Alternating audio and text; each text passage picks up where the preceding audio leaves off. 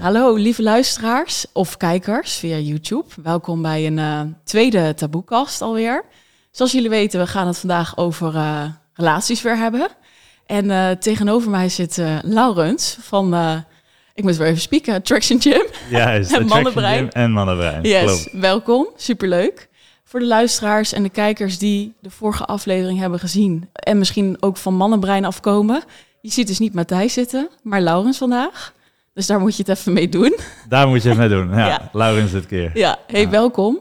Super tof dat je er bent. We gaan vandaag uh, met jouw expertise het hebben over uh, relaties, taboes en uh, whatever comes up. Juist. Dus zou je jezelf willen voorstellen? Absoluut, absoluut. Nou, sowieso leuk hier ook te zijn bij deze podcast.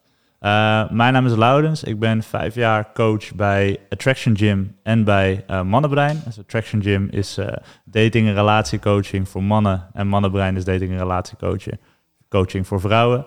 Maar ik doe meer dan alleen specialiseren op dating en relaties. Help ook mensen met hun zelfontwikkeling, gezonde eigenwaarde, zelfliefde cultiveren, om het zo maar te zeggen. En ik doe ook nog één op één coachings om mensen af te laten komen van uh, nou, patronen die hen tegenzitten. Vanuit hun oude verhaal, vanuit hun verleden bijvoorbeeld. Om meer in hun authentieke zelf te kunnen staan.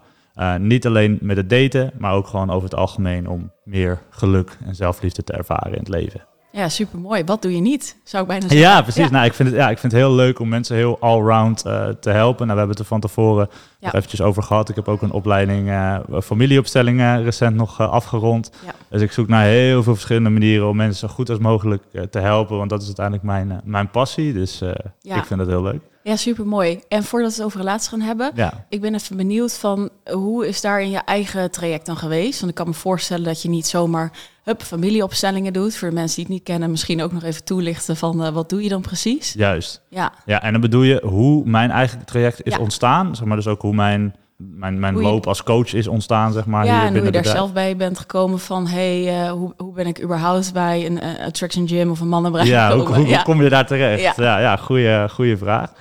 Nou, het is uh, zo, ik, nou, ik ga even naar een hele, hele tijd geleden, toen ik nog op de middelbare school zat, was ik best wel verlegen. En ik vond sowieso het ja, aanspreken van meisjes en het flirten soms best wel lastig, als mede het ja, sociaal echt mee kunnen komen. Maar ik heb eigenlijk ja, gaandeweg mijn leven mezelf daarin onderwezen, om het zo maar te zeggen. Ik weet nog dat ik rond die tijd, ik was ongelooflijk verliefd op een meisje op de middelbare school. En eigenlijk deed ik alles fout wat je fout kon doen achteraf. Zoals? Nou, ik dacht dat ik het heel goed deed door super lief, super aardig uh, voor haar te zijn. Ik weet nog dat ik op MSN aan het wachten was totdat zij dan online kwam. En dan overlaadde ik haar met allemaal complimenten. En, uh, precies, ja. precies. Want ik dacht van ja, je bent dat, er weer. Inderdaad, ik dacht dat vinden meisjes leuk toch? En als je dan echt die gentleman bent, dit en dat. Maar hoe meer ik dat deed, hoe meer zij dus afstand nam van mij. Ja. En uh, dat was een patroon wat ik dus wel vaker begon te zien. Hm. En ik had echt zoiets van, hè, maar hoe kan het nou, weet je? Want overal in die romantische films en uh, wat meisjes zelf zeggen, wat mijn moeder me heeft uitgelegd over wat meisjes leuk vinden, dan moet je toch aardig en lief zijn de hele tijd. Ja. Maar dat was blijkbaar niet het enige wat uh, daar belangrijk voor was. Dus ik heb op een gegeven moment heb ik gegoogeld what to do if she doesn't text back. Want dat was toen de situatie waar ik in zat. En ik ja. kwam, op, kwam opeens bij een wereld van informatie waarin dus werd uitgelegd wat je in zo'n situatie moet doen, hoe flirten werkt, hoe het verleiden werkt. En ik vond het zo interessant, ook omdat het zo anders was van hetgeen wat ik eigenlijk aan het doen was. En hoe oud was je hier toen? Ik Want je zegt MSN. Ik denk dat vele mensen dat... Uh, ja. Zo, onze generatie kent dat nog wel, maar de jongere ja, generatie ja, ik was, ik, was, ik was toen, toen een jaartje of uh, 15, 16 ah, of zo. Zoiets. Ja, dan begint het echt, hè? Ja, Real deal. Precies, precies. Nou, dus iets later, dus dat eigenlijk, hè, dus mezelf onderwezen met dingen die ik dus op internet vond en die ik overlas. En wat ik merkte was niet alleen dat de interacties en het versieren van vrouwen, dat dat me opeens veel makkelijker afging, maar ook dat ik sociaal opeens een heel stuk lekkerder in mijn vel begon te zitten, veel beter mijn ja, plekje wist te vinden, ook in sociale settings. En dat ik ook andere mensen die het lastig vonden, bijvoorbeeld vrienden van mij, die uh, ja, het ook best wel spannend vonden om op vrouwen af te stappen bijvoorbeeld, dat ik die daarbij ook kon helpen. Dus ja, ik maakte zo'n enorme groei door op verschillende vlakken in mijn leven, dat ik dacht, wow, dit is echt super gaaf en ik wil hier meer mee doen. Mhm. Uh, nou, fast forward naar een, paar jaar later toen ik aan het studeren was. Toen ben ik dus bij Attraction Gym uh, terechtgekomen. Aanvankelijk volgde ik alleen maar Amerikaanse bedrijven die dit onderwezen. Ik wist niet eens dat er Nederlandse bedrijven waren die dat ook deden. Mhm. Maar Attraction Gym was er dus één van. Zij waren op dat moment op zoek naar schrijvers voor hun website. Nou, ik schreef toen eh, ook een blog gewoon voor mezelf, omdat ik dat leuk vind. Eh, dus toen dacht ik, hé, hey, en ik kan schrijven en nog over een onderwerp wat mij ja, heel erg boeit en heel erg heeft helpen groeien. 1 en 1 is 2. Dus zodoende dus bij uh, Attraction Gym terechtgekomen, gewoon door te solliciteren. Uh, toen kwam ik daar en toen uh, werd dus tegen mij gezegd van... nee, we zijn nu net ook aan het beginnen met dat hele mannenbrein ding opzetten. Dus ook relatie- en datingcoaching voor vrouwen. Lijkt je dat wat? Nou, ik wist daar nog helemaal niks vanaf. Maar een hele interne opleiding van hun gekregen over hoe dat dan werkt. Dat je vrouwelijke, mannelijke psychologie in het verleiden, zelfontwikkelingsprincipes die belangrijk zijn. Begonnen eigenlijk als schrijver en vanuit daar zowel mannen als vrouwen gaan, gaan coachen. En later in mijn carrière nog een extra ja, specialisatieslag gemaakt, om het zo maar te zeggen, naar meer het uh, ja, dieperliggende aspect. Ik begon dus te zien van hey, sommige mensen die nou, groeien heel snel en dat gaat eigenlijk heel goed. En andere mensen die blijven tegen bepaalde dingen aanlopen, zelfs al geven wij ze de vaardigheden mee die dus werken. En waar ligt dat aan? En vaak ligt dat dus aan dingen die in het verleden zijn gebeurd, blokkades die je nog met je meedraagt, bepaalde veronderstellingen die jij over jezelf hebt. Dus dat diepere werk, om dat echt te veranderen, dat vind ik het allerinteressantste. En dat ben ik dus nu ook aan het doen in één op één trajecten. En uh, bijvoorbeeld workshops geef ik daar ook in. En dus familieopstellingen is eigenlijk het meest recente uh, wat ik daarin uh, doe. Dus voor de mensen die niet weten wat familieopstellingen is, familieopstellingen door. Ja, het is, het is altijd heel moeilijk om het zeg maar rationeel uit te leggen. Het is echt iets wat je moet ervaren. Maar ik ga een poging doen. Het werkt als volgt. Je bent in een, een ruimte met een groep mensen, dus allemaal representanten. En intuïtief nou ja, jij draagt een, een, probleem aan. Laat je zeggen dat je bijvoorbeeld een lastige relatie hebt met je ouders bijvoorbeeld.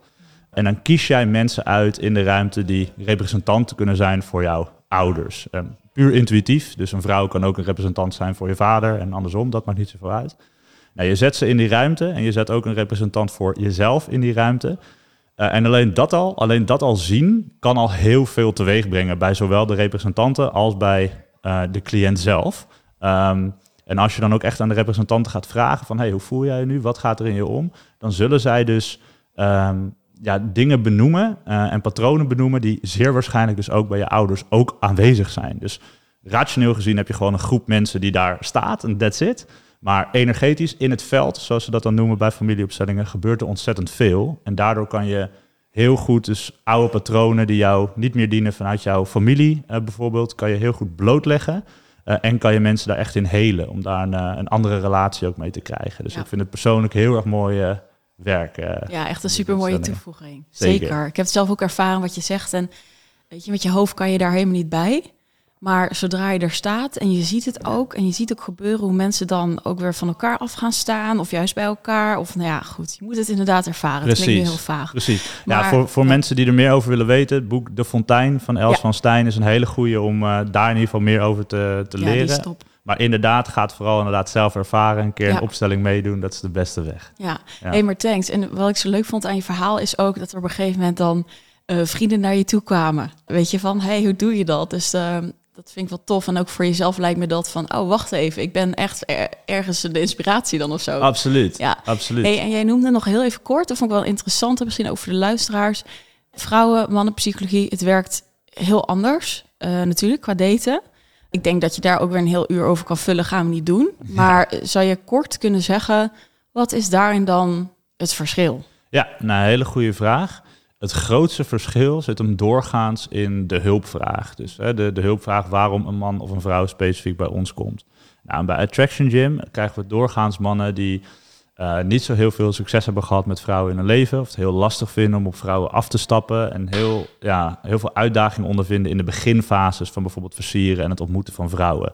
Ook wel mannen die bijvoorbeeld al een hele tijd getrouwd zijn. En nou, helaas is dat huwelijk om wat voor reden dan ook afgelopen. En opeens staan ze er weer alleen voor. En weten ze ook niet zo goed hoe het moest, of hoe het nu ja. moet.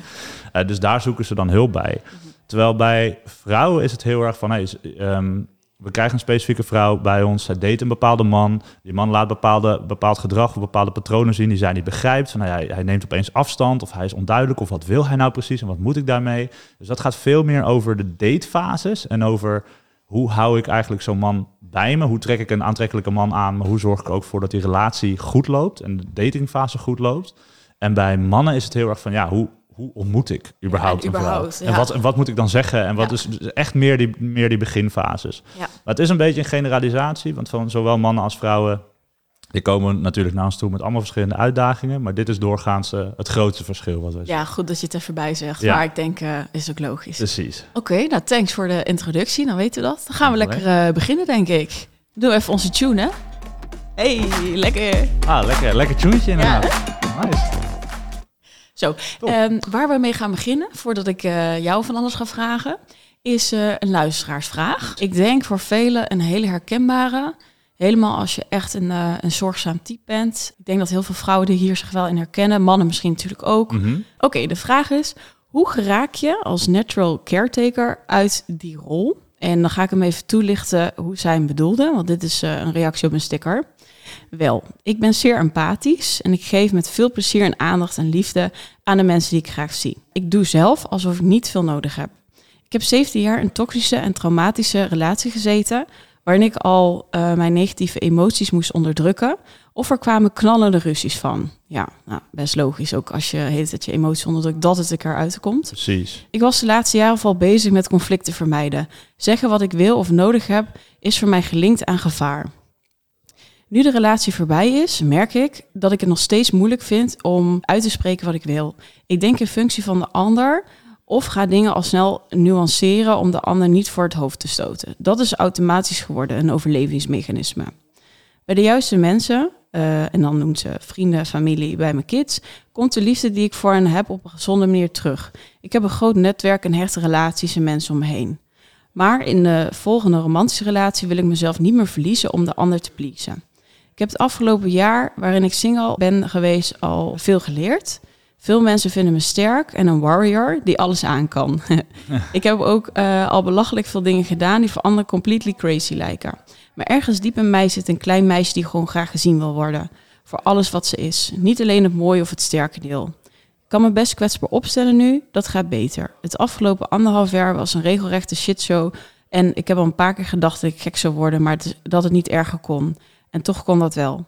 Maar ik wil het de volgende keer beter doen. Niet toegeven aan mijn natuurlijke reflex om te pleasen en te geven. Beter voor mezelf zorgen door onmiddellijk aan te geven dat het niet ok is. In theorie weet ik hoe dat moet, nu in praktijk nog. Daar sluit ze mee af. Juist. Nou, uh, Laurens, succes. Ja, ja, nee, hele mooie vraag. Ja, en als zeker. eerst een, uh, een compliment naar een lezeres die deze vraag heeft ingestuurd van... Kijk, je bent sowieso al bewust van je eigen patroon en je wilde ook nog eens een keer wat aan doen. En uh, nou, het klinkt misschien logisch, maar dat is natuurlijk een ongelooflijk belangrijke eerste stap. Als je ergens niet bewust van bent, dan blijf je er ook maar in hangen. En als je denkt van ja, zo ben ik nou eenmaal, weet je, ja, dit is nou eenmaal zo, dan kan je er ook helemaal niks aan veranderen. Maar zij zegt van nee, dit gebeurt er en die wil ik ook echt van afstappen. Dus dat is al een hele, een hele mooie. Om deze uitdaging aan te pakken, uh, nou, sowieso iets van de lange adem, om het zo maar even te zeggen. Waarom? Omdat het zeer waarschijnlijk al een patroon is wat al heel lang bij haar speelt. En dus ook al, hè, ze noemt dat ook zelf al vanuit haar jeugd, komt.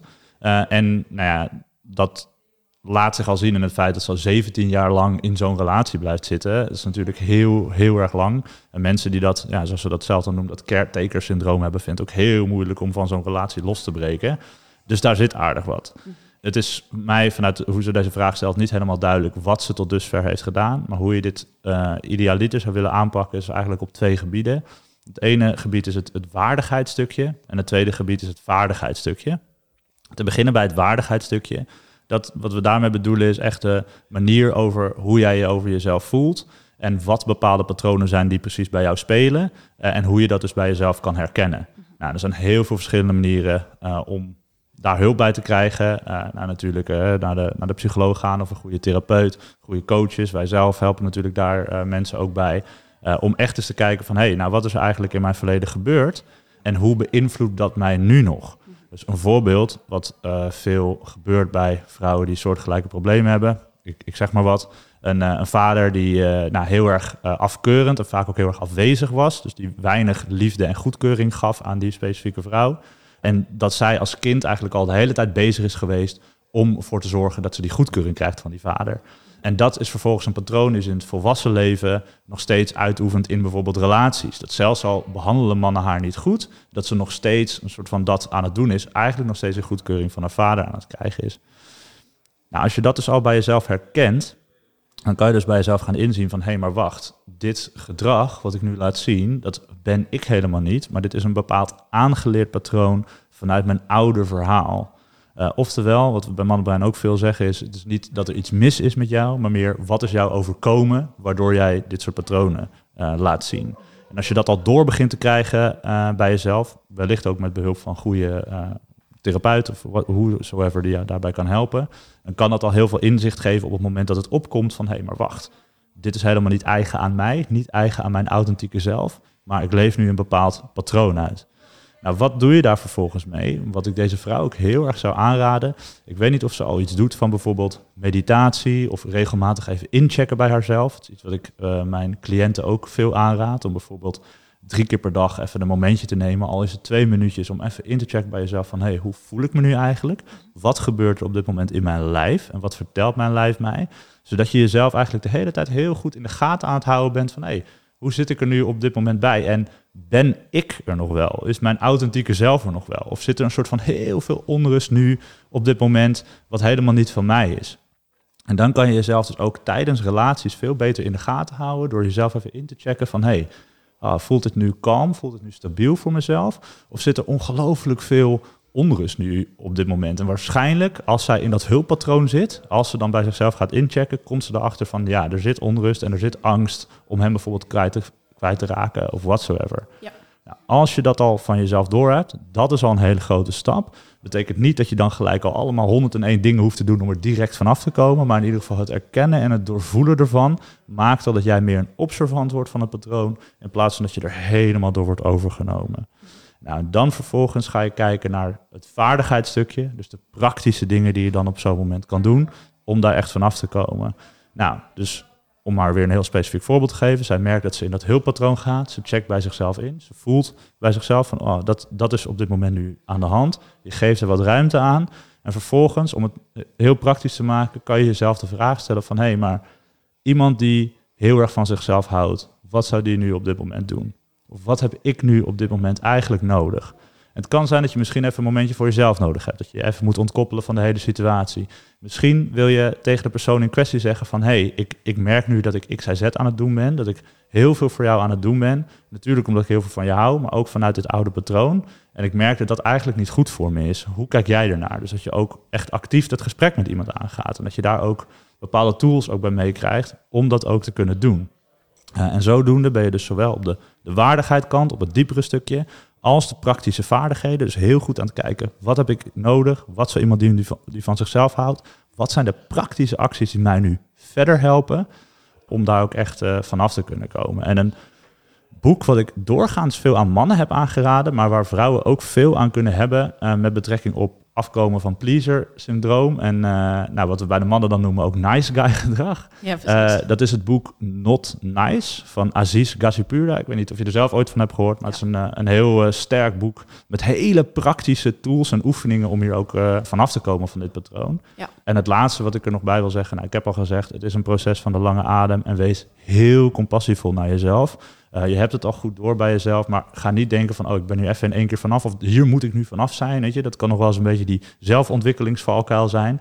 Maar hoe meer je weerstand aan het bieden bent tegen hetgeen wat is, hoe lastiger het is om er vanaf te komen. Dus wees compassievol naar jezelf. Het duurt misschien even, maar als je op deze manier deze bewuste stappen aan het zetten bent, dan kan je al uh, enorm groeien en loskoppelen van, uh, van dat oude verhaal. Nou, Thanks. Ik denk dat het een heel volledig antwoord is. En ze vroeg natuurlijk over nu in de praktijk nog. Ja. En ik denk ook altijd van hè, in het doen merk je ook weer van hey, waar loop ik dan opnieuw tegenaan? Want ik denk ook wat je zegt van het is lang van een lange adem, maar we denken soms van oh, als het dan helemaal uit mijn leven is, terwijl bij mij ook mijn hardnekkige patronen, die komen toch op een bepaalde manier dan weer terug. en dan komen ze op een nieuwe manier uitdagen. Juist. Ja, wat ik ook heel erg voelde bij de vraag is, hè, dat, dat zegt ze op een gegeven moment, er zit echt zo'n klein innerlijk meisje bij mij erin. Ja. En wat mij heel erg heeft geholpen, want ik, ik weet niet of het per se pleasen was, maar wel van, hey, kan iemand me dan zien? En uh, hè, wat ze ook een beetje schrijft, en dat kleine meisje, van misschien ook een interessant om eens te kijken naar innerlijk kindswerk. Omdat het vaak delen zijn. Hè. we hebben een volwassen persoon in ons. En we hebben heel wat innerlijk kindsdelen. Eigenlijk bij elke emotionele, traumatische reactie. Of uh, wat we hebben meegemaakt, hebben we een reactie gecreëerd. Zeker. En dat hoeft niet te zijn van uh, dat er echt iemand is overleden of zo. Dat zijn ook soms hele kleine emotionele zaken die we hebben meegemaakt.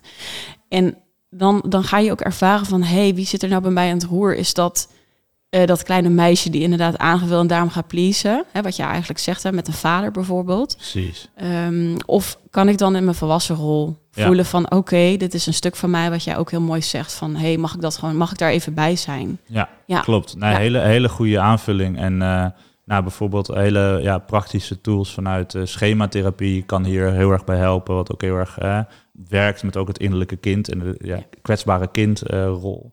En ik, heb, ik moest opeens, toen je dit verhaal vertelde, denken aan een, eh, een cliënt van mij die ik heb gecoacht een paar maanden terug.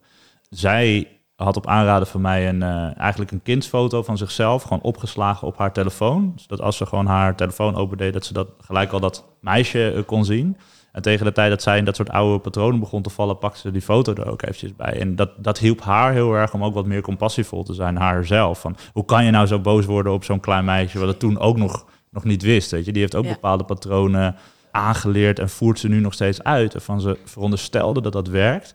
Eh, En heel boos gaan worden op dat meisje, dat heeft totaal geen zin. Je wil dat met heel veel compassie en heel veel liefde benaderen. En tegelijkertijd als een grote zus zijn voor dat meisje. Vanuit dus je gezonde volwassene, vanuit je authentieke zelf. Om haar te laten zien van hé, maar tegenwoordig kan het ook anders. Ja. En ik denk dat dat een hele gezonde manier is van met je oude patronen omgaan. Ja, dat is wat ik wilde aanvullen inderdaad. Dat je echt als je vanuit je volwassen rol dan eh, kan zorgen voor dat, dat deel. En dat is denk ik ook ergens misschien... Natuurlijk, je hebt andere stappen te nemen, maar als je daarvan bewust bent en dat ziet, dan denk ik dat je al heel ver bent in, in dat patroon. Zeker. Hey, ik hoorde jou een paar keer zeggen, authentieke kern, Ja. vanuit je authentieke zelfleven. Ja, Eh, nou is dat een term die we heel vaak horen. Ik gebruik mezelf ook, want ik vind het ontzettend belangrijk. ja, Maar hoe weet ik dan, hè, want je, je noemt net iets van, oh, is dit mijn authentieke kern wel? ja. Ik kan me voorstellen dat mensen denken, ja, maar eh, wat je zegt, ik ben gewoon zo, ik ben gewoon de zorgdrager. En eh, hè, hoe weet ik dan wat mijn authentieke kern is? Ja. En wat is het precies? Precies, precies. Nou, dat is ook een, eh, een hele goede vraag. Nou, om te beginnen bij wat, wat is het precies? Ehm, zonder al te veel in het eh, Ja, spirituele te treden, om het nog een beetje begrijpbaar te maken. Maar hoe ik het zie is, kijk, eigenlijk komen wij als hele pure ziel, bijna als een soort blanco velletje, komen wij ter aarde. En als je bijvoorbeeld kijkt naar een baby, die is ook heel puur. Weet je, als hij iets nodig heeft, dan laat hij het echt wel weten. En eh, die schaamt zich niet, die, die is gewoon. En, en dat, dat is ook het mooie van bijvoorbeeld al kijken naar een baby of een heel klein kind, hoe puur dat is. Eh, maar omdat we natuurlijk als kind zo erg op zoek zijn naar warmte en liefde en dat natuurlijk ook nodig hebben, gaan we op een gegeven moment ja, bepaalde patronen, bepaalde copingmechanismen ontwikkelen om dat te kunnen krijgen en om te, ja, weg te gaan, om weg te blijven van bepaalde pijn. Eh, en dat zijn dus mechanismes die ons soms nog heel erg tegen kunnen zitten. Dus om dat patroon eh, weer aan te halen van dat meisje die bijvoorbeeld de hele tijd voor haar vader allerlei dingen aan doen is om te zorgen dat ze die liefde krijgt, terwijl ze dat ja, niet kan krijgen van zo iemand die waarschijnlijk ook weer met zijn eigen patronen zit. Maar dan wil je dus een soort van, door al die ruis van al die patronen en al die veronderstellingen, eigenlijk naar een soort stilte in jezelf, naar een soort kalmte in jezelf keren, om weer even te voelen van, hé, hey, maar wat vind ik, wat vindt mijn authentieke zelf daar eigenlijk van? En het ding is, authentiek hè, betekent dus ook heel erg eigen aan jou, trouw aan jouw eigen persoonlijkheid, geest en karakter. Eh, en dat betekent dus niet dat jij allemaal extra dingen moet gaan doen om authentiek te zijn. Weet je, om allemaal Juist dingen. niet. Nee, juist niet. Om allemaal dingen buiten jezelf te gaan zoeken om te zorgen dat je meer authentiek bent. Dat is eigenlijk heel gek. Want het is, het is juist meer dingen opruimen en langzaam weghalen en weer even teruggaan naar jezelf. Teruggaan naar die, naar die plek die ja, je als baby eigenlijk ook al had. Eh, nou, en hoe maak je dat dan heel erg praktisch? Daar werkt in mijn optiek meditatie heel erg goed voor. Eh, bepaalde ademhalingstechnieken. Je hebt ook hele specifieke authentieke zelf of higher self meditations. Ook genoeg op YouTube die je daarover kan vinden. maar Ehm, nu nog even niet, hè? nu nog even niet. Nee, precies. Maar ze, ze zijn er in ieder geval. Maar in ieder geval dat moment van stilte in jezelf kunnen creëren. En daar dus bij kunnen blijven. En dan kunnen voelen van... hé, hey, maar dit is in ieder geval een plek van bepaalde kalmte en bepaalde rust... waarvan ik uit kan handelen. Dat betekent niet dat vanuit je authentieke zelf alles altijd maar goed voelt. Hè? Van, oh ja, het moet dan altijd goed voelen. Nee, er kan nog steeds wel spanning en onrust zitten... Maar je kan er op een veel ja, objectievere en rustigere manier naar kijken... dan in plaats van dat je helemaal wordt overgenomen door die patronen. Ja, mensen die nog last hebben van een sterk oud verhaal, dat wil zeggen sterke actieve patronen die hen verhinderen om bij die authentieke kern te komen, die zullen hier niet zo snel in één keer bij kunnen komen. Waarschijnlijk, en misschien dat sommige luisteraars dit nu ook al in hun hoofd hebben, van ja, meditatie is helemaal niks voor mij. Als ik Nee, ga precies. zitten, dan, wow, dan gelijk voel ik heel veel onrust. Uitgezet. ja. Precies. Nou, waarschijnlijk komt dat dus doordat er dus nog heel veel bij jou actief is en heel veel op dat moment oplaait. En ik zou vooral zeggen, Uh, ja, maak er voor jezelf juist een practice van om daar naartoe te gaan, om daarbij te blijven. En als je dat nodig hebt, zeker met hulp uh, van mensen die, die jou daar echt goed bij kunnen begeleiden. Want het gaat er juist om, er, om naar dat soort patronen uh, ertoe te gaan, om er uiteindelijk weer doorheen te breken. En niet door allemaal externe dingen te gaan doen om te zorgen dat je er ja, eigenlijk nog meer van jezelf verwijderd raakt. Ja, want dan moet je weer van alles. En dan is het helemaal niet vanuit je eigen kern. Nee, klopt. Want klopt. wat ik altijd zie is, of wat er voor mij een eigenschap echt is, dat het een soort van, ja, wat je ook zegt van, nou, er is een soort rust of objectiviteit, of er is, het is een beetje moeiteloos, als je het zo kan zeggen, en niet vooral, hè, ik moet weer van alles zoeken. Nee. Ik vond het wel een, hè, wel meditatie, wat je al zei, je zei het zelf al, ik wilde het ook zeggen, waar als je luistert en denkt, dat is nog helemaal niks voor mij. Ik denk dat het soms ook op een andere manier kan dan alleen maar zitten. Ja. Dus mocht je iets hebben van, hmm, ik wil dat wel eens, en ik ga heel graag naar het bos, Ja. neem je hond lekker mee, eh, loop daar lekker, en ik denk dat je dan ook al naar jezelf toe kan. Of misschien met een mooi muziek eh, nummer. Weet je, het hoeft allemaal niet zo standaard. En dat we soms zien van, oh, we moeten allemaal op een meditatiekussentje gaan zitten. Als Nee. dat nog een stap te ver is. Nee, klopt. Ja. Dat is inderdaad een, een, eh, een hele goede. En er zijn natuurlijk ook heel veel verschillende manieren van, van meditatie. En sommige mensen zijn heel erg gebaat bij een wat praktischere aanpak met breathwork, ademhalingsoefeningen, die, waardoor je dus iets heel praktisch kan doen om, om meer bij jezelf te blijven. Mhm. Maar inderdaad, gewoon bewegen of even wandelen of dat om, om, om een bepaald soort rust in jezelf te vinden, kan ook al heel erg helpen. Los van inderdaad het, ja, het traditionele mediteren van oh, ik moet gaan zitten. En, en Ja. ja. dat hoeft niet, eh, niet altijd. Ja. En als je het echt lastig vindt, als je merkt, als ik ga zitten en ik ben in mijn eentje en ik voel dan al heel veel onrust, of ik kan niet ergens in mijn eentje gaan zitten, want dan komt er allemaal onrust op, dan zou ik eh, in 9 van de 10 gevallen echt zeggen van hé, hey, maar pak dan ook echt hulp aan. Want er zit waarschijnlijk nog een hele hoop. En het is helemaal niet erg om om hulp te vragen. We denken vaak van ja, we kunnen pas naar een psycholoog of naar een coach als er echt iets mis met ons is. Maar ik zou eigenlijk juist iedereen aanraden om het bij voorbaat al te doen. Ja, ik zeg het ook altijd. Maar ja, als coach is het eh, misschien logisch. Ja, Nee, maar ja, weet je, dat, dat is natuurlijk, eh, omdat wij alle twee coaches zijn, dan ja, is het ook logischer om dat vanuit die, die hoek ook echt te zien. Maar ja, ik zou het liefst een soort van ja, megafoon willen hebben op de daken staan en echt dat tegen iedereen willen zeggen. Want Ja. want, ja speaking of taboes, hulpvragen is soms nog een hele grote taboe voor heel veel mensen. Ja, Ik weet nog één vrouw in de coaching die, die zei van, eh, van ja, als ik dan ook nog eens een keer naar, eh, naar een psycholoog moet, weet je, los van dit, wat ik hier al doe, ja, dat voelt echt als een, als een zwaktebod, weet je, dat is echt als een zwaktebod. En Nou, kwam natuurlijk ook weer vanuit haar ou- oude patronen, ja. maar ja, dat is natuurlijk het laatste wat het is, een zwaktebod. Het is juist heel sterk om ook te erkennen van, hé, hey, ik heb hier wat hulp bij nodig Mhm. en ik neem dat met twee handen aan. En daardoor ga je ook groeien. Ja, ik denk dat mensen, en dat dat het voor heel veel mensen in onze, ja, het is natuurlijk wel aan het veranderen, onze samenleving, maar ik denk dat we echt wel een young samenleving hebben, heel mannelijke energie, let's go, eh, doorzetten, niet, eh hè, niet miepen. Nee, En dat heel veel mensen met dat patroon zitten van, joh, als ik om hulp vraag, dan ja, ben ik zwak. Of eh, hè, ook, ook wat je zegt, hè, het, het gezin, hè, veel gezinnen, waar, weet je, als we kijken naar onze vorige generaties, opa's en oma's, ouders, die zijn veel minder makkelijk, denk ik, met gevoel bespreken en, en vertellen van, hey, joh, hoe is het met me? klopt. Maar ja, wat je zegt inderdaad, het is geen zwaktebod. En wat zo bizar is eigenlijk, als we fysiek iets hebben, dan mogen we naar een dokter. Ja, Dat, hè, dat is makkelijk, want we zien het ook, hè, gebroken been. Laten het we het even makkelijk te zeggen. diagnosticeren, ja, precies. En dan, eh, hè, dan is het, oh, wat zielig en eh, kunnen we je helpen. Maar eh, dit zien we niet, maar we veroordelen het nog zo. Klopt, Ja. klopt. Ja. En daarnaast, om daaraan toe te voegen, dus voor veel mensen betekent dan mentale hulp zoeken, betekent naar een, een psycholoog gaan. Ja. En sommige mensen die nemen dan uiteindelijk die stap van, oké, ik ga naar een psycholoog. Komen ze bij die psycholoog, maar blijkt dat die psycholoog hen niet zo goed kan helpen. En dat kan 101 verschillende redenen hebben. Misschien werkt het soort hulp wat die psycholoog jou eh, aanbiedt net niet voor jou. Misschien klikt het net niet met die hulpverlener. Weet je, en, maar er zijn zoveel verschillende manieren van hulp. Van coaches, van therapeuten, van, nou, ik heb het al genoemd, breathwork. eh, zeg maar ook los van alleen maar de, de traditionele... Ja, en het eh, praten alleen maar. precies, zijn traditionele praten. Ja, precies. Wat voor de een De misschien... familieopstellingen. Juist, dus er zijn Ja. zoveel verschillende manieren. En ik zou dus echt zeggen, ja, van ten eerste, hef dat taboe op van hulp zoeken en ga hulp zoeken als je nodig hebt. En als je dat dan gaat doen, neem alles met twee handen aan. Kijk wat voor jou werkt en wat niet. En misschien zijn er meerdere wegen naar Rome en dat is ook helemaal oké. Er is niet van, oh ja, nu ben jij naar een psycholoog geweest en nu ben je helemaal gefixt of zo. Het is natuurlijk Nee. zomaar, sowieso de vraag of we ooit helemaal gefixt zijn. En dan Eh, waren we hier niet. Nee, Ja. precies, precies. Maar dus, ja, er zijn gewoon heel veel verschillende manier- eh, manieren van hulp zoeken. En, en probeer voor jezelf uit wat het beste werkt. Ja. Dat zou ik mee willen geven aan de, de luisteraar Ja, precies. de kijkers.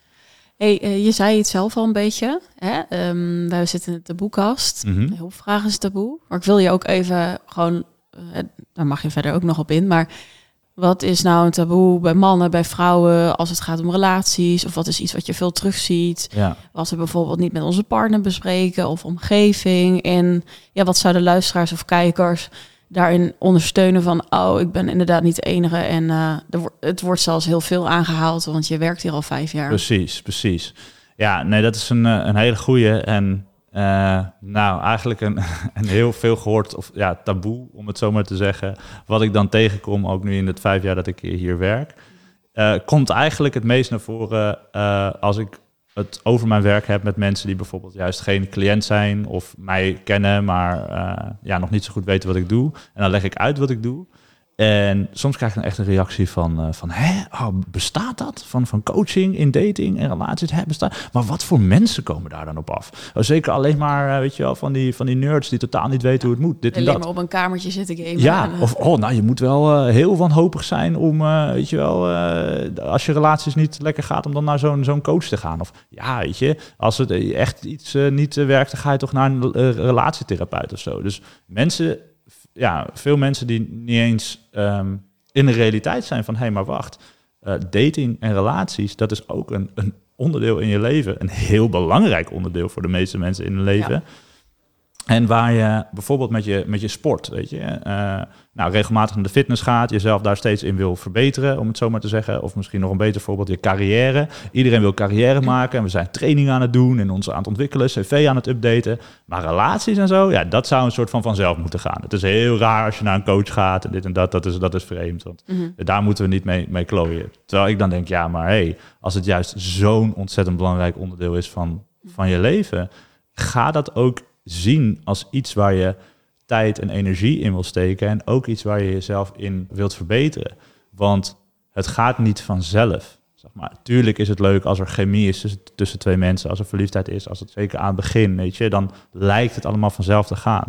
Maar al helemaal als je een langdurige relatie met iemand eh, wilt opbouwen, of als jij ja, echt totaal niet weet hoe je mensen moet aanspreken of moet ontmoeten, dan, ja, hoe je het ook bent of keert, daar ligt een bepaalde vaardigheid waar je dingen mee wilt doen om daar uiteindelijk in te groeien. En daar is helemaal niks mis mee. Mhm. En gelukkig zijn er nu heel erg veel mensen die dat ook inzien. En natuurlijk zeker ook eh, cliënten bij ons die, nou ja, soms eh, nog, wellicht nog aan het begin toch die drempel voelen van, oh, zo, nou, ik ga dit nu echt doen.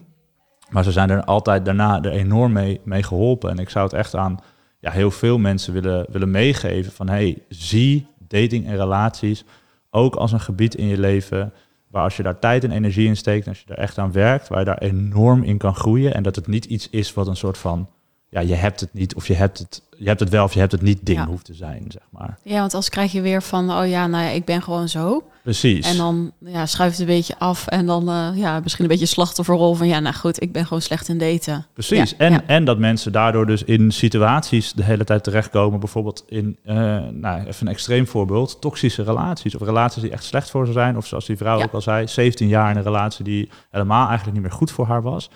Eh, om, omdat ze ook helemaal niet doorhebben van, hé, maar wacht, eh, ten eerste, hier zit een bepaald patroon achter, waardoor ik in deze situaties kom. En ten tweede, er zijn wel degelijk dingen die ik kan doen om Ja. dit beter bij mezelf in te zien en om hiervan af te komen. Als jij gewoon denkt van, ja, eh, het is gewoon wat het is. En eh, weet je, ik trek de ware vanzelf aan en dit en dat. En je zit dan de hele tijd in dat soort nare situaties. Ja. Ja, wat doe je jezelf aan, zou ik eh, zou Ja, ik nee, die staat natuurlijk eh, zomaar voor de deur. Zo werkt het. Ja, ja, nee, precies. Ja, weet je, en, en natuurlijk, er zit altijd een, een, dus ik wil altijd wel die nuance maken. Liefde is natuurlijk iets heel erg moois. En er zit ook iets, hè, tuurlijk is het mooi als het heel spontaan op je voelt. pad komt. Als het op je pad komt. En dat, is, dat, dat, dat merk ik de laatste tijd ook veel meer. Weet je, van, van mensen die, waarbij het echt mee klikt, dan klikt het ook gewoon echt gewoon goed. En dat is hartstikke mooi.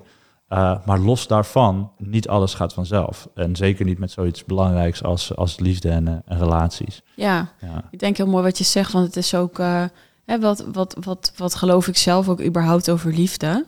En hè, als je inderdaad al die dingen gelooft, dan, dan is het ook wat je aantrekt ergens. Hè? 100%. Dus ook met die toxische relatie nou, die net in het voorbeeld zat. Maar ja, veel mensen het wel herkennen van... hey, we hebben misschien allemaal ergens een relatie gehad die niet helemaal goed was. Of voor, voor, voor onszelf dan.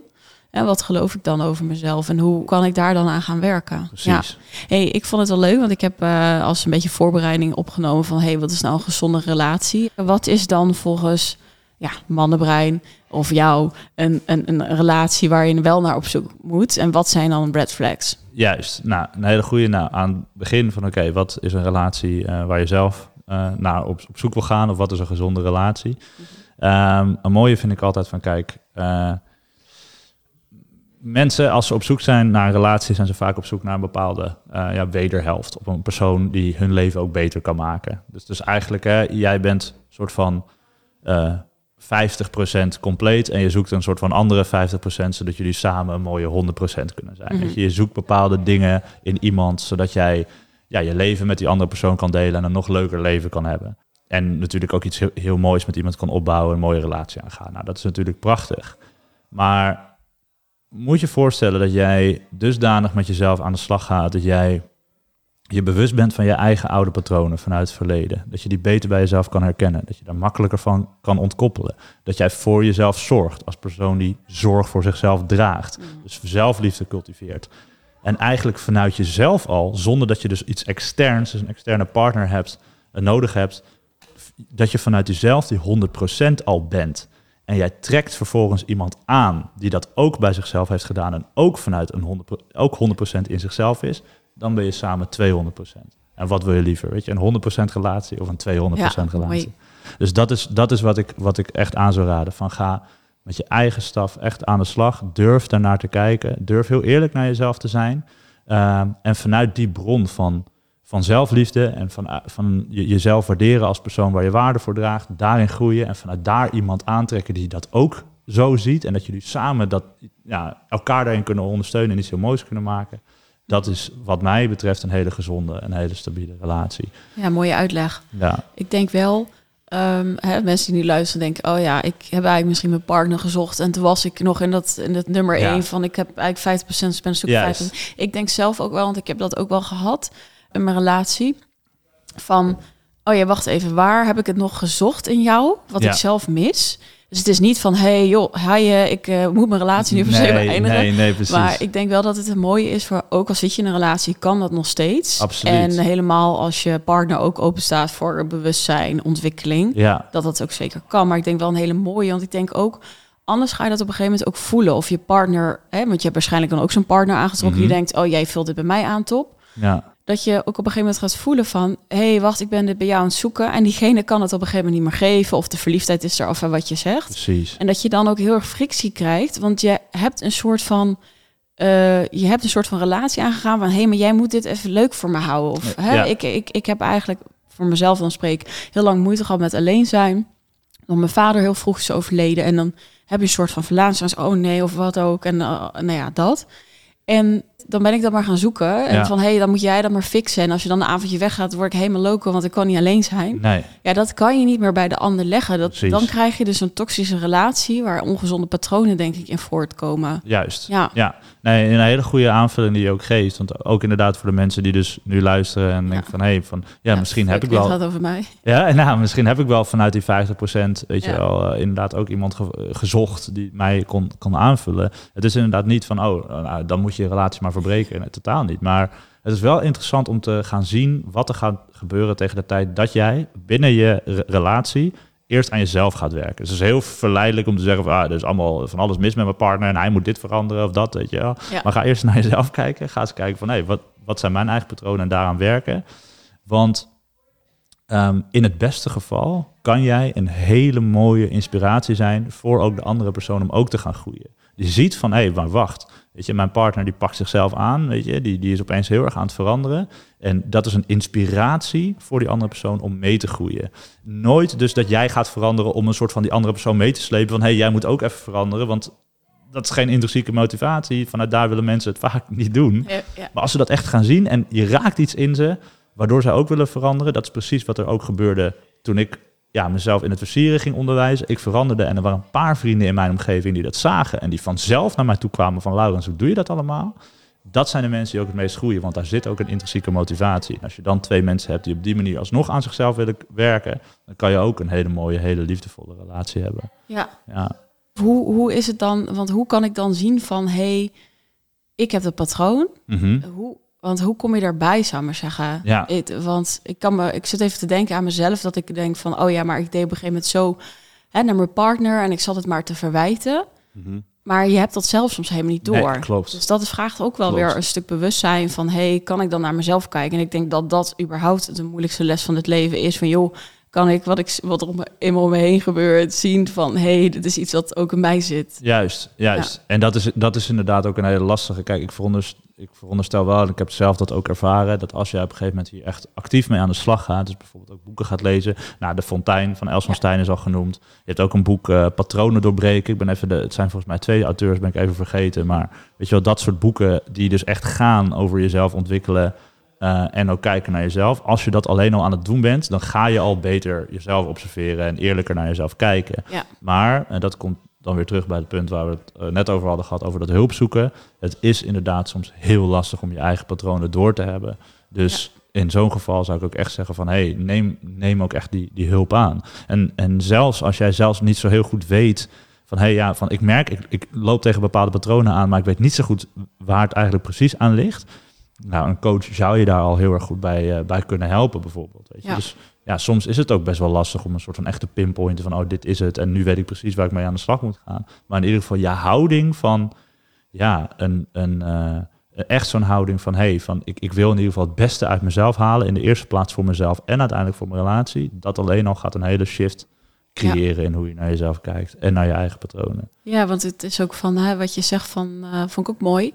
Je bent ook echt een voorbeeld als je inderdaad vanuit de intrinsieke motivatie werkt. Precies. En anders voelen mensen dat dus ook van, hé, hey, er zit ja, op een of andere manier of zo in de energie of je partner van, ja, je wilt het eigenlijk op een andere reden. Ja. Maar dat is wel heel inspirerend. Hoe heb je dat verder zelf ervaren? Heb je eigenlijk een relatie nu? Ja, ja. Ja. nou, ik heb eh, op dit moment geen relatie meer. Mijn Ja. relatie is een jaar geleden uitgegaan. Ook omdat ik zelf heel erg hard tegen mijn eigen patronen aanliep. Oké, ja. En dat is, eh, nou, voor mij, het is voor iedereen confronterend. Maar als jij een coach bent die mensen helpt in relaties en zo, dan is het, voelt het als extra confronterend. Want je wordt opeens ja, geconfronteerd met een probleem waar je andere mensen ook bij helpt. Ja, Maar sowieso, in mijn optiek, is een coach niet iemand die het een soort van allemaal gemasterd heeft en het beter weet en andere Nee, mensen juist gaat niet. uitleggen wat hij doet. Maar een coach is iemand die is op een bepaald pad.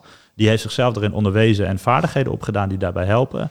Maar dan, nog steeds loopt hij tegen uitdagingen aan en die, eh, die nodigt eigenlijk andere mensen uit om ook op dat pad te komen en ook samen te groeien. Van mijn coaching sessies groei ik ook enorm. Het is niet alleen dat ik alleen Ja. maar de cliënt daarbij help 100%. dus dat was dat ook even erkennen in mezelf. Van hey, ik loop ook tegen bepaalde blokkades aan. En ik vind dat ook heel lastig en ik moet daar iets in doen. En ik voelde bij mezelf aan dat ik dat helaas niet meer in de, in de relatie zelf kon doen.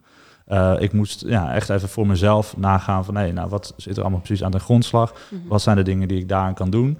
En eh, nou, ik ben achter aardig wat dingen gekomen waar ik zelf nu ook, eh, nu ook mee bezig ben.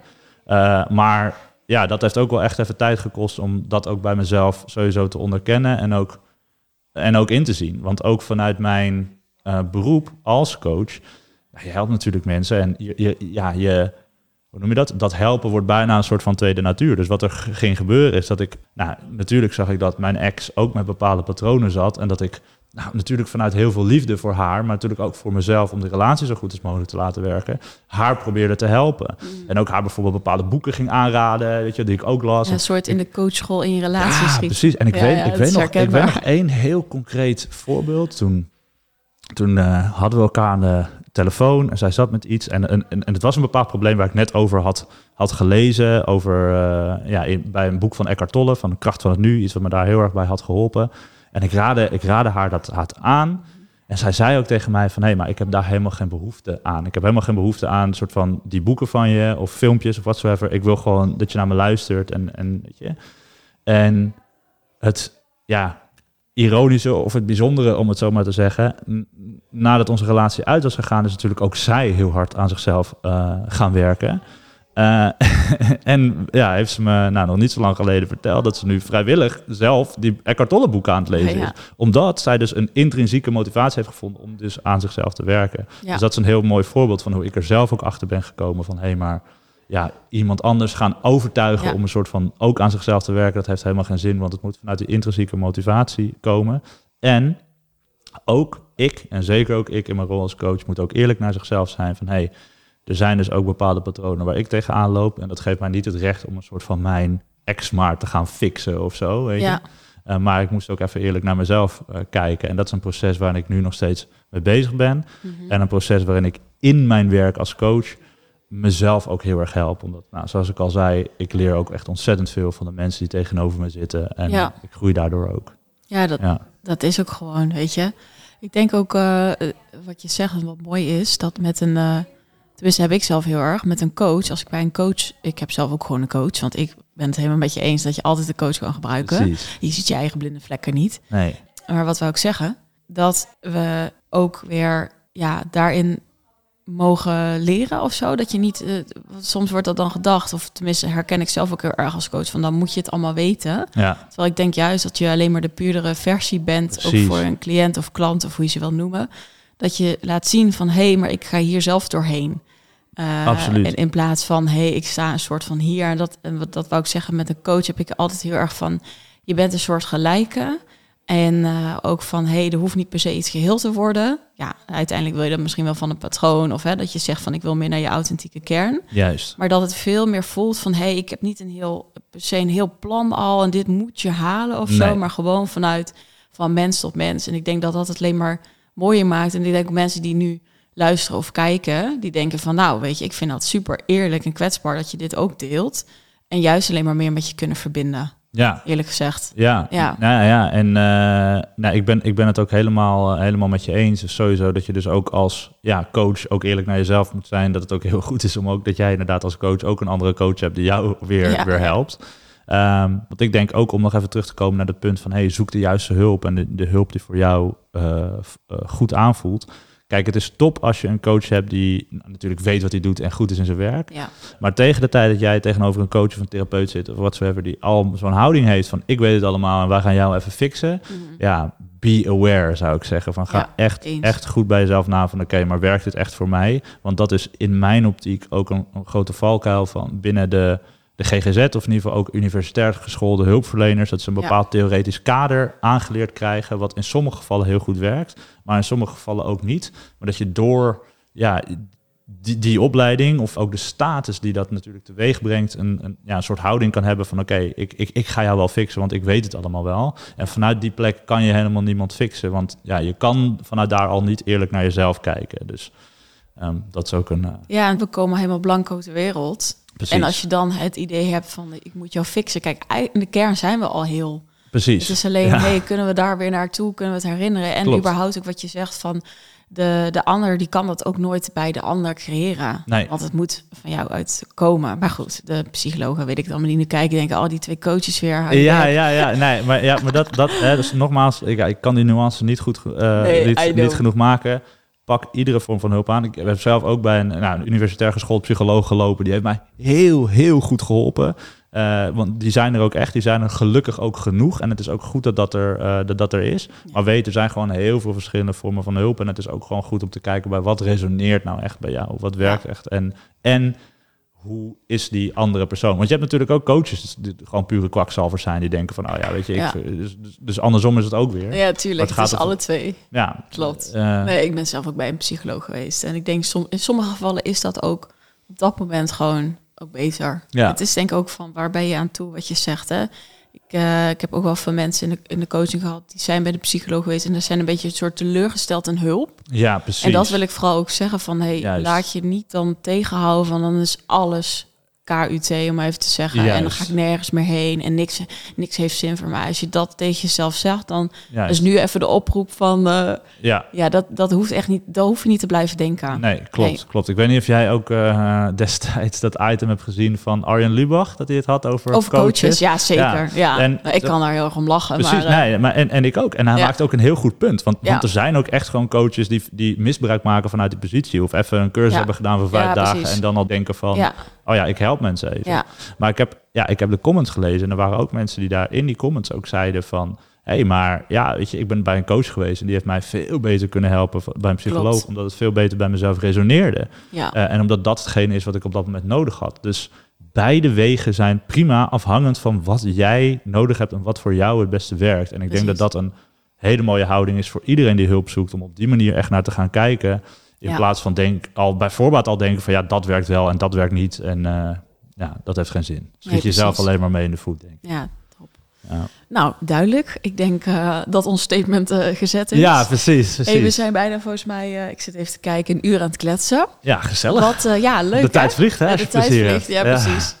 Ik zou je nog willen vragen van, hey joh, we hebben het over het boek gehad, het überhaupt komen vragen, ja, en hoe daarmee aan de slag en ook eh, wat is een gezonde relatie hè, bij de start. Mhm. Wat is nou iets waarvan je denkt, oh, dat, dat wil ik graag nog even meegeven of zie ik veel bij mannen of vrouwen terug of, nou ja, goed, whatever comes up. Oh, ja, nou ja, ja als Ja. je heel eerlijk eh, aan me vraagt wat er, wat er opkomt, en mijn authentieke antwoord is van ja, er is eigenlijk al heel veel opgekomen wat heel belangrijk is om te zeggen. Ja, In de eerste plaats dus durf dus eerlijk naar jezelf en naar je eigen patronen te kijken. Eh, Durf om hulp te vragen. En wees echt bereid om dat onderdeel van dating en relaties en zelfontwikkeling, al die dingen aan te pakken als deel van je leven. Wat je ook zou aanpakken als bijvoorbeeld je carrière of je financiën of whatsoever, weet je. Ja. Want het zijn dingen waar je in, in kan groeien. En waarom zou je jezelf ervan weerhouden om dat niet te doen? Snap je? Waarom zou je het een soort van aan toeval overlaten en het maar gewoon laten? ja, Terwijl je dan de kans loopt jezelf in de voet te schieten of in situaties terechtkomen die ja, jou, eh, jou eigenlijk helemaal niet dienen. Of Ja. zelfs nog jou slechter af laten zijn dan dat, dan dat hoeft. Ehm, dus zorg daarin goed voor jezelf en pak de juiste hulp aan als jij dat denkt eh, nodig Ja. te hebben. mooi. Ja. En dat is denk ik ook wel even mooi om toe te voegen, want jullie helpen natuurlijk en met daten en ook gewoon relaties. ja. Ehm, hè, dat je ook, eh, want misschien zijn mensen denken, ja, ja, ik hoef niet meer te daten, want ik heb inderdaad mijn partner. Mhm. Maar ik denk ook, ja, wat is dan ook precies de relatie of hoe kan ik daarvoor blijven werken? Ik denk dat daar heel snel overheen wordt gegaan. We hebben niet altijd een voorbeeld van hoe, eh, of we zien heel veel voorbeelden in onze omgeving. Maar ja, zijn dat dan ideale relaties, weet je wel? Dus wat is dat überhaupt? Ja. Dus ik denk een hele mooi van als je voelt van hey, ja, ik, ik, ik zou dit wel beter willen. Of wij communiceren soms niet. Of ik vind het super spannend. Nou, je ziet het staan, mannenbij.nl als je op YouTube zit. En Ja. anders bij deze. ja. Als je denkt van nou, Laurens, die vond ik sowieso super tof. En eh, je hebt me echt geïnspireerd. Dan weet je hem te vinden, denk ik. Juist, Zou ik, ook juist, tof. zeker, zou ik ook zeker gewoon eens kijken van hey, ik wil hier iets mee. En ik denk omdat wat jij net zei, toen dacht ik, ja, weet je, is dit niet een van de belangrijkste levensgebieden gewoon? Weet je, fijne relaties überhaupt in je leven, maar Ja. ook als je een partner hebt, dat dat gewoon, Klopt. ja, weet je, het maakt je zo gelukkig als die lekker, als die goed gaat, zou ik Ja. zeggen. Absoluut. En, Ja. de, en de relatie die jij met een ander hebt, zegt natuurlijk ook heel erg veel over de relatie die jij met jezelf hebt. Ja. Dus het is bij definitie al een ongelooflijk belangrijk Ja. eh, punt. Ja, want Dus, het eh, spiegelt gewoon continu ook van, precies. hey, wat, wat is in mij? 100%. 100%. Dus Nou, ja, nee, zeker. Ja, eh, ja dank, je, dank je wel sowieso voor me uitnodigen bij deze, bij deze podcast. En Ja. voor inderdaad de vrouwen die zeggen van... hé, hey, ik, ik kan daar wat hulp bij gebruiken en die zijn geïnteresseerd. Dat is mannenbrein.nl en de heren kunnen bij attractiongym.nl uh, Ja, die terecht. staat even niet in beeld, Die maar eh, we zetten ze even in de, in, de, in, de link, eh, in de linkjes. Precies. Nou, dan gaan we lekker afsluiten. Super bedankt, Laurens, voor je mooie verhaal en, eh, en uitleg en, eh, en praktische voorbeelden. Echt super tof. Mocht je hier nou iets aan hebben gehad, laat het even weten als je kijkt op YouTube in de comments. Wat vond je mooi? Wat heeft je geraakt? En eh, mocht je op Spotify of Apple luisteren, dan laat ook even iets moois achter voor bijvoorbeeld Laurens, maar ook ons. Wil je zelf komen spreken over een bepaald thema, dan kan dat zeker. Dan moet je even naar de taboekast. Op Instagram kan je ons formulier invullen. En eh, natuurlijk ook leuk als je ons even overal gaat volgen. Volgende week zit er weer een supermooie nieuwe gast. Heeft niet zoveel met jou te maken. Nee. Eh, maar eh, maar wel leuk dat er weer een supermooie nieuwe ja, gast zit. zeker. We gaan er weer een supermooi thema hebben. Ja. Donderdag om 7 uur staat hij online. Ik wens jullie een super fijne mooie week. En mocht je nog iets anders willen laten weten, laat het anders gewoon weten via de Instagram. Dat- daar kun je altijd terecht, de boekkast. Oké, nou ik zeg altijd eh, dikke kus en Nou, doe ciao. ik hetzelfde. Ja, Bye. yeah, lekker. Doei, doei. Doei.